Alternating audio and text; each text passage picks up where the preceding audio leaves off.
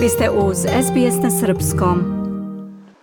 Tokom naredne godine kroz program Misija Kiseonik biće realizovane obuke za nastavnike iz oblasti zdravstvene pismenosti i zdravih stilova života, uključujući prevenciju pušenja kod mladih. Nastavnici će stečeno znanje teorijski praktično primeniti u nastavi i na taj način pomoći i motivisati učenike da donose ispravne odluke u vezi sa svojim životom, mentalnim i fizičkim zdravljem, rečeno je u četvrtak na skupu u osnovnoj školi Bilena Pavlović Barili u Beogradu na kome je predstavljen ovaj program. Pušenje je najuticajniji faktor rizika za mnoge bolesti i preranu smrt u Srbiji. U našoj zemlji puši oko 8% osnovaca i 37% srednjoškolaca bez bitnih razlika u odnosu na pol i mesto stanovanja.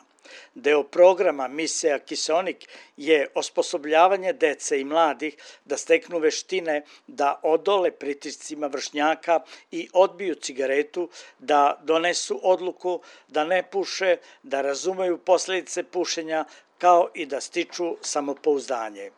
Državni sekretar Ministarstva prosvete Ivica Radović izjavio je na predstavljanju programa prevencije pušenja kod mladih u osnovnoj školi Milena Pavlović Barili, da je važno da se u javnom prostoru, ali i obrazovno-vaspitnim ustanovama što više govori o štetnosti duvana kako bi deca i učenici bili podstaknuti da se okrenu zdravim stilovima života.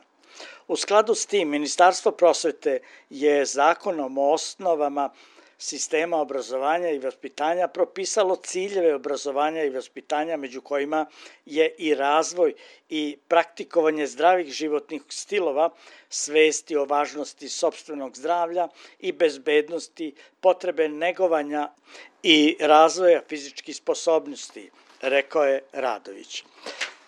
Ambasador Australije u Srbiji Daniel Emery naglasio je da je njegova država u prve tri razvijene zemlje sveta sa najmanjim brojem pušača među adolescentima, a da više od 80% mladih od 12 do 17 godina nikada nije pušilo.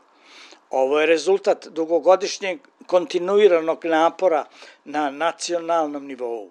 Iz iskustva znamo da edukacija o zdravstvenoj pismenosti u učionici igra važnu ulogu u prevenciji pušenja među mladima. Srećni smo da što više svoje iskustvo delimo sa Srbijom, dodao je ambasador Emery. Smanjenje stopa pušenja znači i bolje zdravstveno stanje ljudi svih uzrasta i duži životni vek, ocenio je ambasador. Direktorka organizacije Propulsion Vladana Drljević-Boljević istakla je da je nakon faze isprobavanja velika verovatnoća da će mladi postati redovni korisnici duvanskih proizvoda, što dalje vodi u zavisnost, jer se u Srbiji pušenje smatra cool navikom. Dodala je da je zato naredni logičan korak rebrendiranje onoga što je cool. U vremenu kakofone informacija, a uz podršku školskog sistema, ključno je razvijati veštine kritičkog promišljanja kod mladih kako bi doneli ispravne odluke koje će ih dovesti do kreiranja zdravih navika i životnih stilova, naglasila je gospođa Drljević Boljanić. Program Misija Kiseonik realizuje organizacija Propulsion u partnerstvu sa ambasadom Australije u Srbiji. Iz Beograda za SBS radio Hranislav Nikolić. Želite da čujete još priča poput ove? Slušajte nas na Apple Podcast, Google Podcast, Spotify ili odakle god slušate podcast.